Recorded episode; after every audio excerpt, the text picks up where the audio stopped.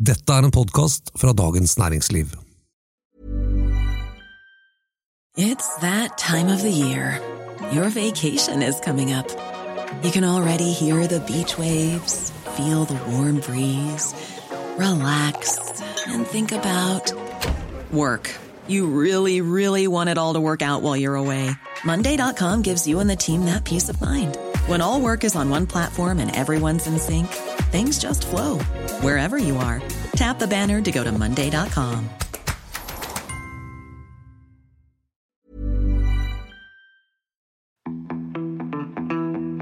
Aksjer, renter, krypto, gull. Alt har steget i 2023. Eh, forresten, ikke boligprisene, da. Men hvorfor det har vært sånn, og hva som skjer videre, det skal vi snakke om i romjulens episode av Finansredaksjonen. Finansredaksjonen er en podkast som lages av oss her i Dagens Næringsliv. Jeg heter Anita Hoemsnes og er kommentator i DN. Og jeg heter Terje Erikstad, finansredaktør. Og jeg heter Tor Christian Jensen og skriver om aksjer.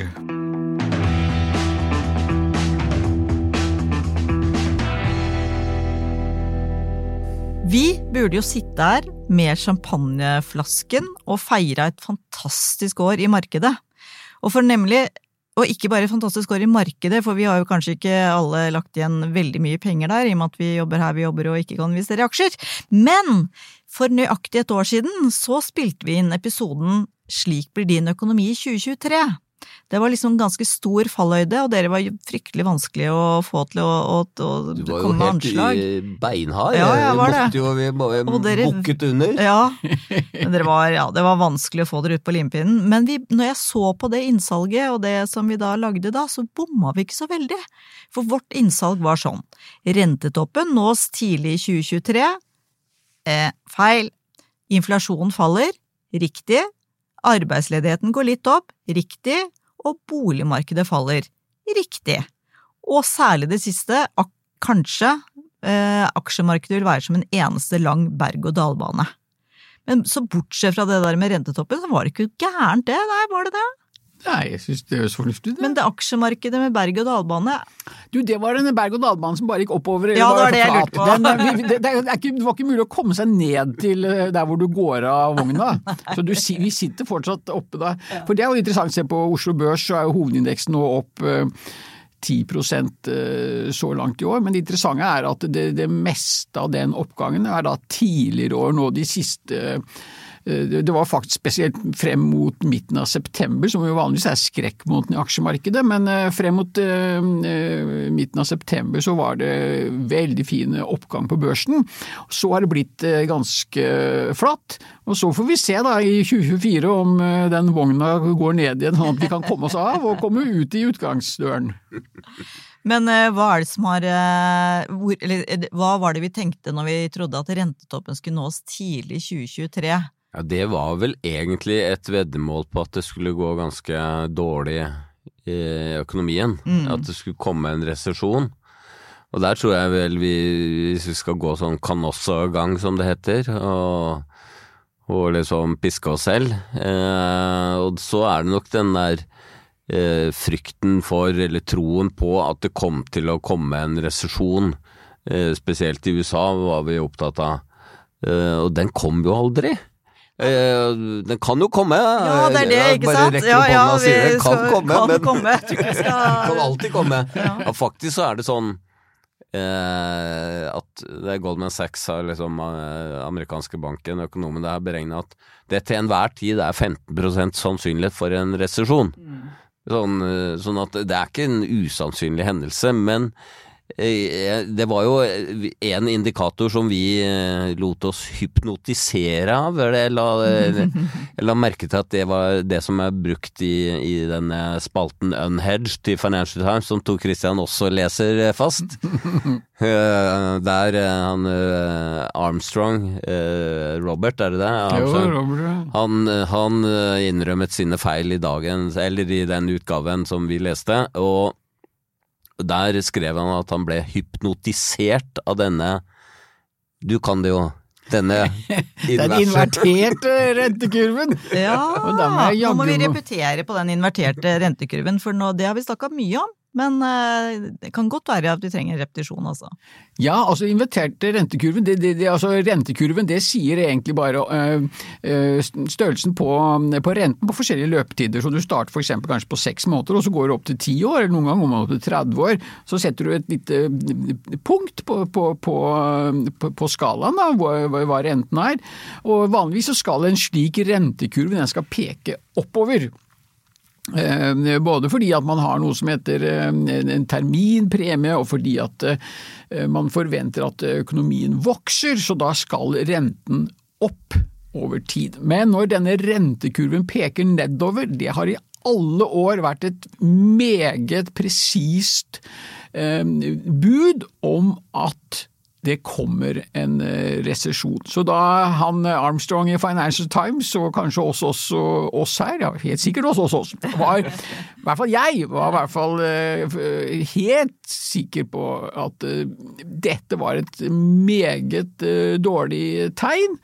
Eh, men hva har vi da sett? Jo, vi har sett at denne inverteringen den har deinvertert. Nå begynner det å bli veldig mange elementer, pre, pre, prefikser på den, på, den, på den, der, med at den da har flatet ut. Men, men det interessante er, da, hvis man da virkelig skal tviholde på teorien om at det kommer en eh, resesjon, det er jo at akkurat i forkanten av en resesjon så flater den inn i rentekurven ut! Så vi gir oss aldri! men, eh, men Nei da, vi skal ikke vi skal ikke kimse av at eh, vi vil jo ikke at det skal komme en resesjon. Det er jo helt fantastisk at vi faktisk eh, har kommet oss så langt gjennom eh, en periode med renteøkninger og inflasjon mm. og fanden oss oldemor, geopolitikk som er ordentlig vond og vanskelig. Og så ser det ut som det kan bli en myk landing. Nettopp. Og det er en såkalt soft landing. Det er jo den den debatten som var for et år siden, da vi ble tvunget til å lage prognoser, så var det jo på en måte et veddemål på enten eh, hard landing eller myk landing. Og hard landing er da at eh, økonomien går i eh, begynner å krympe, da, aktiviteten går ned, det som kalles en resesjon eller konjunkturnedgang. Og da ville Fed ha blitt nødt til å sette ned renten for å møte den nedgangen, eh, og inflasjonen ville også avtatt fordi etterspørselen ville gå ned, og Så, videre. så det var vel egentlig logikken bak, bak den, eh, den, spådommen. Og så viser det at, at vi tok jo så feil fordi renta gikk jo bare opp helt til slutten av året, hvor den begynte å gå ned. Og så holdt veksten seg veldig bra oppe, og også i Norge. Eh, selv om det har vært nullvekst på slutten av, av, året i Norge, så har det heller ikke i Norge vært noe dramatisk utvikling, og, og ledigheten er jo omtrent uendret. Sånn at um, vi kan oppsummere året med at dette har vært gledelig, en gledelig overraskelse. Det har jo det, virkelig. Det det. For mens i 2022 så var, gikk jo alt ned. Renter, obligasjonsfond, aksjefond. Altså da var det ganske brutalt. Og det var jo et, det var jo et eksepsjonelt år fordi uansett så tapte man. Mm. Uh, og i år har det nesten vært motsatte. Ja, det har vært sånn, og da blir sånn folk liksom geniforklarte nærmest fordi de klarer å levere så god avkastning, men du skulle jaggu meg gjort mye feil hvis du ikke klarte å få det i år. Hey, it's Ryan Reynolds and I'm here with Keith, co-star of my upcoming film If, only in theaters May 17th. Do you want to tell people the big news? All right, I'll do it. Sign up now and you'll get unlimited for $15 a month in six months of Paramount Plus Essential Plan on us. Mintmobile.com slash switch. Upfront payment of $45 equivalent to $15 per month. Unlimited over 40 gigabytes per month. Face lower speeds. Videos at 480p. Active Mint customers by 531.24 get six months of Paramount Plus Essential Plan. Auto renews after six months. Offer ends May 31st, 2024. Separate Paramount Plus registration required. Terms and conditions apply if rated PG. There's never been a faster or easier way to start your weight loss journey than with PlushCare PlushCare accepts most insurance plans and gives you online access to board-certified physicians who can prescribe FDA-approved weight loss medications like Wigovi and Zepbound for those who qualify. Take charge of your health and speak with a board-certified physician about a weight loss plan that's right for you. Get started today at plushcare.com slash weight loss. That's plushcare.com slash weight loss. plushcare.com slash weight loss. Hey, Dave. Yeah, Randy. Since we founded Bombus, we've always said our socks, underwear, and T-shirts are super soft. Any new ideas? Maybe sublimely soft. Or disgustingly cozy? Wait, what? I got it. Bombas. Absurdly comfortable essentials for yourself And for those facing homelessness. because one purchased equals one donated. Wow, did we just write an ad? Yes. Bombas. Big comfort for everyone. Go to bombas.com slash ACAST and use code ACAST for 20% off your first purchase. Ja, der så er det noen sektorer som ikke har gjort det så bra, men eh, eh, og da eh, deler av eh, olje og gass og energi og slike ting. Det har vi jo sett nå, oljeprisen eh, har jo falt nå de, de siste månedene, og det har jo hatt sin effekt. Og Da er det jo interessant da, å sammenligne med det som skjer i USA.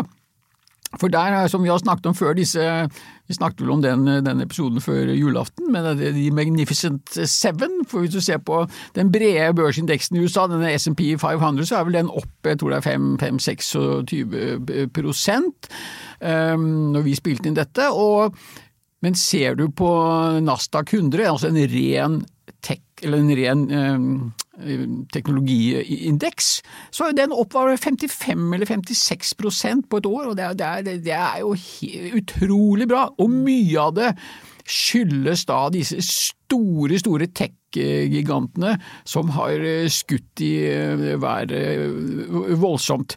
Og så, så, er det interessant, så hvis man da som, som norsk investor enten har vært investert i et globalt indeksfond, som er en av dine favoritter, Anita, eller vært investert i enkeltaksjer i USA, så har man jo virkelig fått med seg gullavkastning. Og så er det jo da dette med, med valutakursutviklingen som vi har snakket om, at spesielt da for, hvis man var som utenlandsk investor investerte i norske aksjer, så var det jo ikke så bra da at den norske kronen da svekket seg frem mot ja, kanskje midten av september, var det vel, og så har den, så, men så har den da både dollar og euro har jo da falt mot kronen siden midten av september, men fortsatt så er jo bildet at det, det, det har vært at kronen er svekket over perioden. og Det er klart det gir jo da effekter på, på hvilken avkastning man som investor får. Altså, hvis vi som nordmenn kjøper eh, aksjer eller eh, fond i utlandet, og kronen svekker seg, så får vi på en måte dobbel avkastning. Vi får avkastningen på prisendringen i lokal valuta, og så får vi en effekt av at kronen svekker seg, for da får vi mer igjen for når vi veksler om dollaren eller euroen til kroner. Absolutt, og for, for, for dollaren for, for, året, når vi målte dette her nå når vi spilte denne episoden, så var vel dollaren opp ca. 6 tror jeg det var, og så er euroen opp ca. 10 Men så er det, det, er for i år, det interessante er jo da at det er ikke år som har vært de største effektene. Altså, dette, disse store omveltningene begynte jo sånn en gang i starten midten av 2021, hvor du fikk disse voldsomme valutakursendringene. Mm. Og det snakket vi jo litt om i forrige episode, at uh, en grunn til at vi bomma noe så sjukt på at rentetoppen var nådd tidlig i 2023, er jo nettopp fordi at i hvert fall i Norge så har kronkursen svekket seg såpass at mm. Norges Bank rett og slett måtte bare klinke til nettopp. med flere rentehevinger enn det man så tidlig i, i, i året. Så, så, det er jo kjipt, men eh, apropos det med mm, sånne globale indeksfond, eh, hvis du måler i norske kroner, så er det fortsatt opp 30 eh, i år. Og et høyrentefond som var liksom Altså, det var virkelig ingenting, på en måte, når renta var lav. Den har du fått 10% avkastning på, ifølge en, sak som Petter Winther har skrevet på DNNO nå. Men det er jo ingenting, vet du. Ingenting! Vi skulle vært investert i bitcoin! Nei! For den har da, kursen på bitcoin har da steget med 150 Og jeg måtte le når jeg leste Economist eh, sitt nyhetsbrev i dag morges, hvor de da bare sammenligna bitcoin, eller kryptovaluta generelt, med kakerlakker.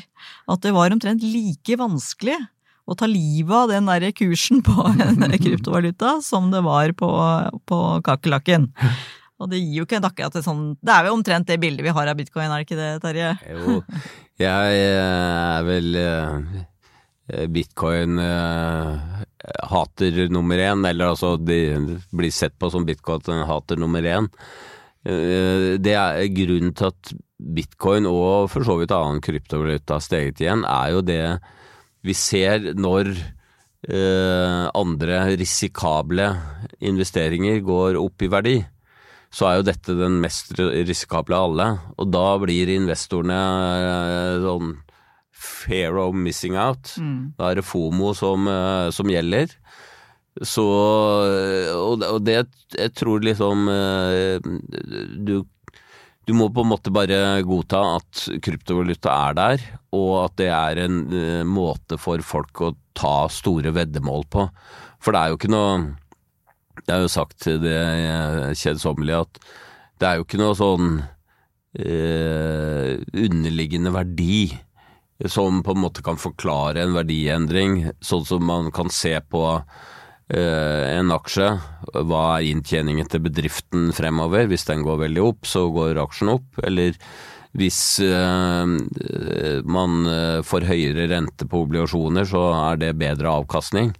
Noe sånn effekt har man jo ikke på disse kryptovalutaene, så de er jo rent spekulative objekter. Og da, når de stiger i verdi, så er det en klar indikator på at risikoviljen, det er risk on som det heter på godt norsk, Og sier sånn, eh, han eh, i, eh, i Economist da, sier at liksom mange har jo lyst til å bare bli sånn småkvalme når de ser kakerlakker, men man må huske på det, at kakerlakker de kan, har også sin funksjon, da. Og når han da overfører dette til bitcoin, så er det blant annet at de fungerer som diversifisering i en portefølje. Og de, i sånne regimer som ikke har fungerende banksystem, så klarer de å holde pengene trygge. Og helt til slutt, de viser seg å være helt umulig å drepe. Det er bare Det er for meg som eh, mitt følelsesliv og hele liv styres jo av hvordan kursene på, på børsen Jeg lever jo etter kursene, det Huff, stakkars deg! Ja, det høres litt trist ut, men eh, nei jo, det, Ikke sant? Altså at eh, jeg, jeg har jo veldig stor tro på signaleffekten fra, fra kurser, og spesielt da store likvide aksjer. Og det er klart bitcoin eh, er jo den mest eh, likvide av disse kryptoene. Så det er klart, eh, det må man bare erkjenne at den verdiøkningen 60-70% i år, den, den, den, den er der. Men samtidig så vet vi også det. Vi kan se på, på Oslo Børs, for eksempel se på aksjen i Flyr, eller se på aksjen i Norwegian, og begge disse to selskapene gikk gjennom store finansielle problemer, og det var opplagt for alle som hadde øyne i hodet at denne aksjen var verdt null kroner. Men skulle du ha sett, det var vel noen av de mest eh, likvide aksjene på børsen, altså folk kjøpte jo med begge hender aksjer som man burde, og nok visste at egentlig var verdiløse.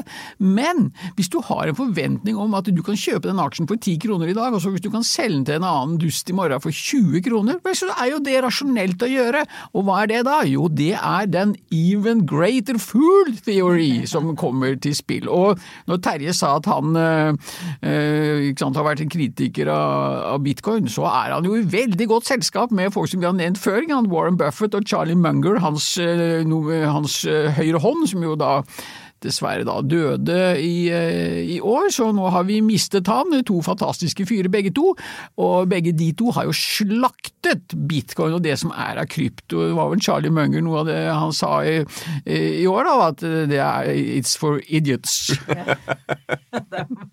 Men de kan bli veldig rike på det. Ja, det... ja. Men det man ikke ble så veldig rik på i år, og i hvert fall de som prøvde å investere det og gjøre det om til utleie for eksempel, eller selge til en høyere pris, det var bolig.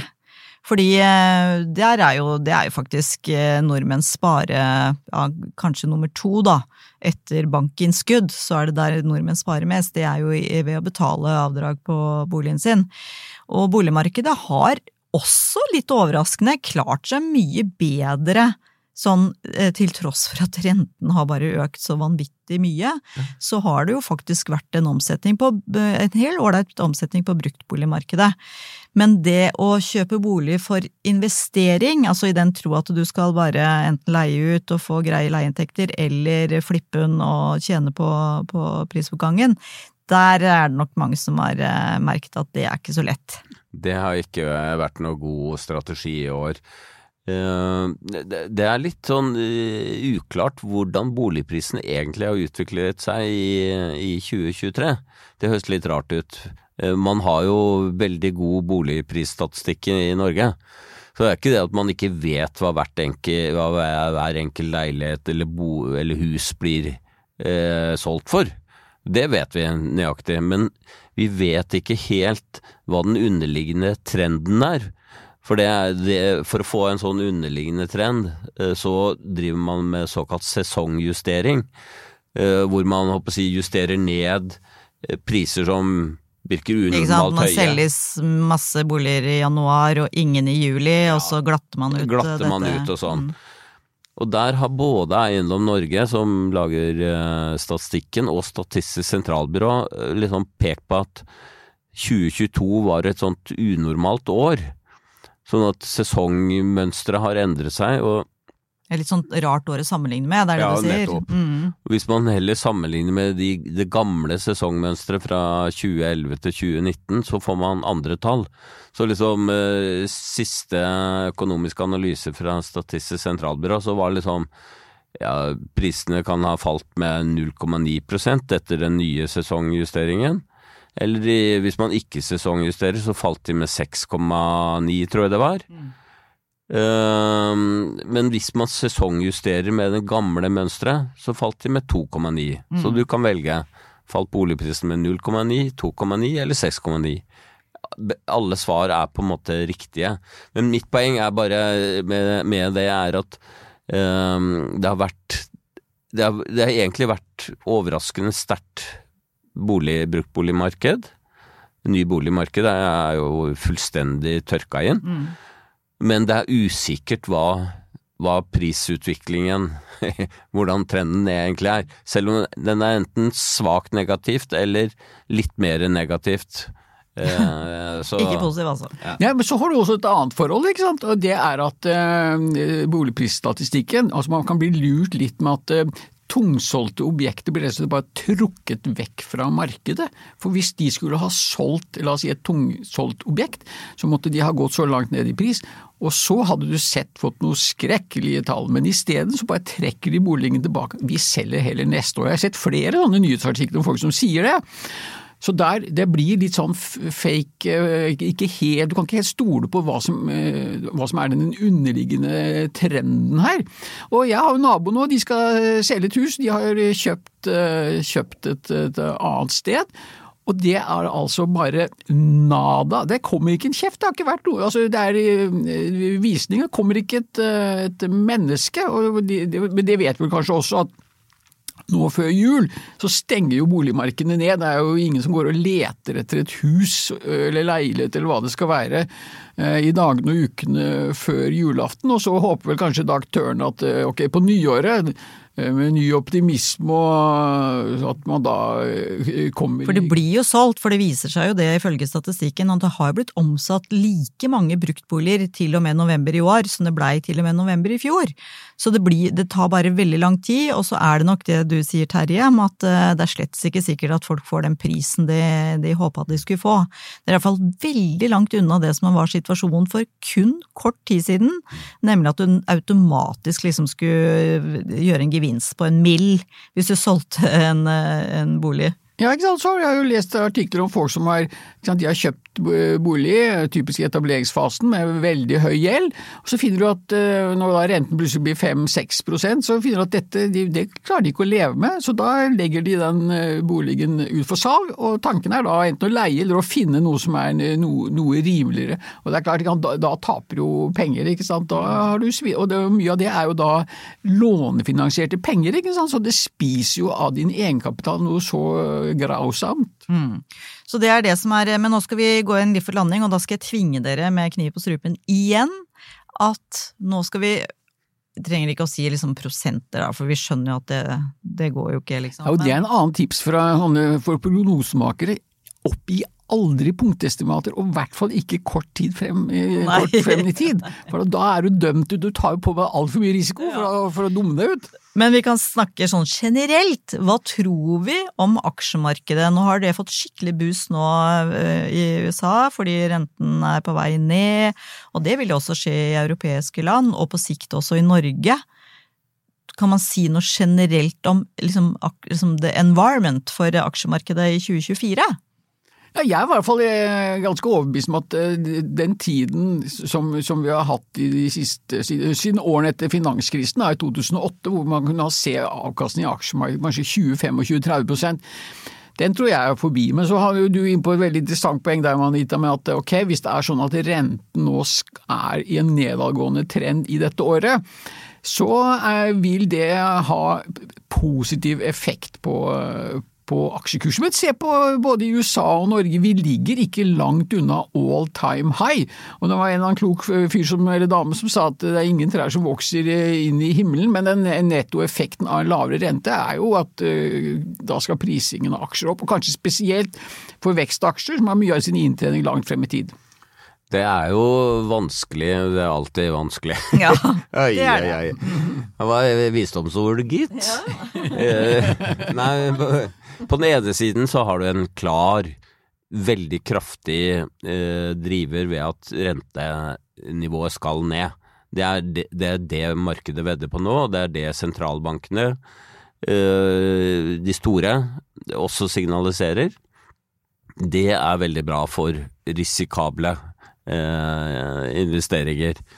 På den annen side, og nå snakker jeg igjen litt mye om USA, da, vi snakker kanskje vel mye om det, men der er verdivurderingen av aksjer veldig høy. Sånn at det er, det er på en måte Man kommer inn på et høyt nivå, men så er det krefter som kan dra det enda høyere, og bobler kan jo eksistere i veldig mange år. Eh, sånn at eh, hvis man skal liksom veie de to, så tror jeg nå jeg sier at renteeffekten er sterkest. Så det kommer til å bli et løft for risikable eh, eiendeler inn i 2024. Og for de som er mer trygghetssøkende og har lyst til å investere eller ha bankinnskudd eller obligasjons- eller rentefond, de får jo nå da en liten De har hatt en fantastisk opptur i år, mm. men får kanskje da en liten nedtur neste år. Det kan være at de får uh, det kan være et argument for å på en måte prøve å låse inn eh, dagens høye rente inn i 2024 for å holde den mest mulig. Gå mm. fastrenteinnskudd i bank, eller, eller, prøve på en annen måte å, å finne Sikre seg, da, mm. denne gode avkastningen så lenge det er mulig. Boligprisene, da? Jeg tror at boligprisene eh, kommer til å vise en fallende tendens i starten, og så snur de når folk blir overbevist om at det kommer rentekutt i Norge også. Og, og, så, og, så, er det jo det vi har snakka om, at eh, det er eh, Nyboligsalget er jo eh, veldig Hele byggingen. Ja, ny, det bygges ikke eh, nye boliger. Så tilbudet er jo veldig gitt, da. Mm. Og hvis folk Eh, får ikke sant, Hvis folk klarer seg gjennom denne rentetoppen nå, som jeg tror det faktisk er, og så kommer det ikke flere rentebrev fra banken, og vi har vært innom det før, så eh, Og du får kanskje lønnsøkning, og så blir det hele mer håndterbart. Og så kommer det rentekutt. Da, da vil folk kjøpe boliger og bruke mer penger på det. Ja, dette høres jo meget fornuftig ut, og vi vet jo det er to viktige driver for eiendomsmarkedet. Det er renten, og så er det sysselsetting. Har du, har du, har du en jobb? Og det vet vi at øker ledigheten betydelig så eh, strammer jo folk inn, og blir, da blir det vanskeligere eiendomsmarked. Men også, vi har snakket om at da, og det sier jo også disse, disse, eiendomsekspertene, selv om eh, nå skal man vel alltid ta det de sier med en viss klype salt, men alle de går jo og venter på at nå, sånn som Terje sier, at rentetoppen skal være forbi. Da er det håp om at ting kan eh, begynne å løsne litt, og med mindre da Eh, at arbeidsledigheten ikke skulle skyte i været. og Det er vel ikke noe akkurat nå som, som, som, som tyder på, på, det. altså Sysselsettinga, ledigheten har holdt seg relativt lavt. Eh. Det blir litt spennende å se rett etter jul, faktisk. Jeg tror at varehandelen den kan få ganske en tøff vinter. på en måte Der har vel marginene allerede er jo lave. Og med renteøkningene så har det jo, og når folk har handla fra seg da i jula, men eh, du kan jo bare flytte til eh, Vi hadde jo en artikkel i DN på en kar fra Sandnes som drev et byggefirma. Han skjønte ikke hva de drev og pratet om, at det var så dårlige tider i byggebransjen og sånt. Og det, han, han, hadde masse jobb til rørleggere og snekkere, og det var bare å komme over dit. Så langs kysten av Norge, og særlig Rogaland, der tror jeg ikke de kommer til å se så mye problemer med sysselsettingen eh, i neste år. Men jeg tror kanskje vi har summert opp litt, da, ja. Så tror jeg ikke vi kan bli hogget for, eh, for, for mye, holdt jeg på å si, i forhold til hva slags prognose vi kommer med heller, så jeg tror vi kommer oss greit unna det. Og så må jeg bare takke lytterne for at dere hører på Finansredaksjonen, det syns vi er skikkelig stas, rett og slett. Vår produsent er Gunnar Bløndal.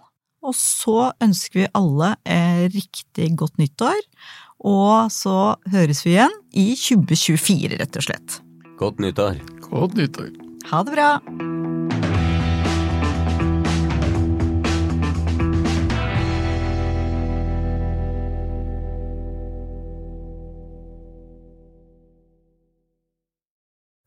Du har nå hørt en podkast fra Dagens Næringsliv.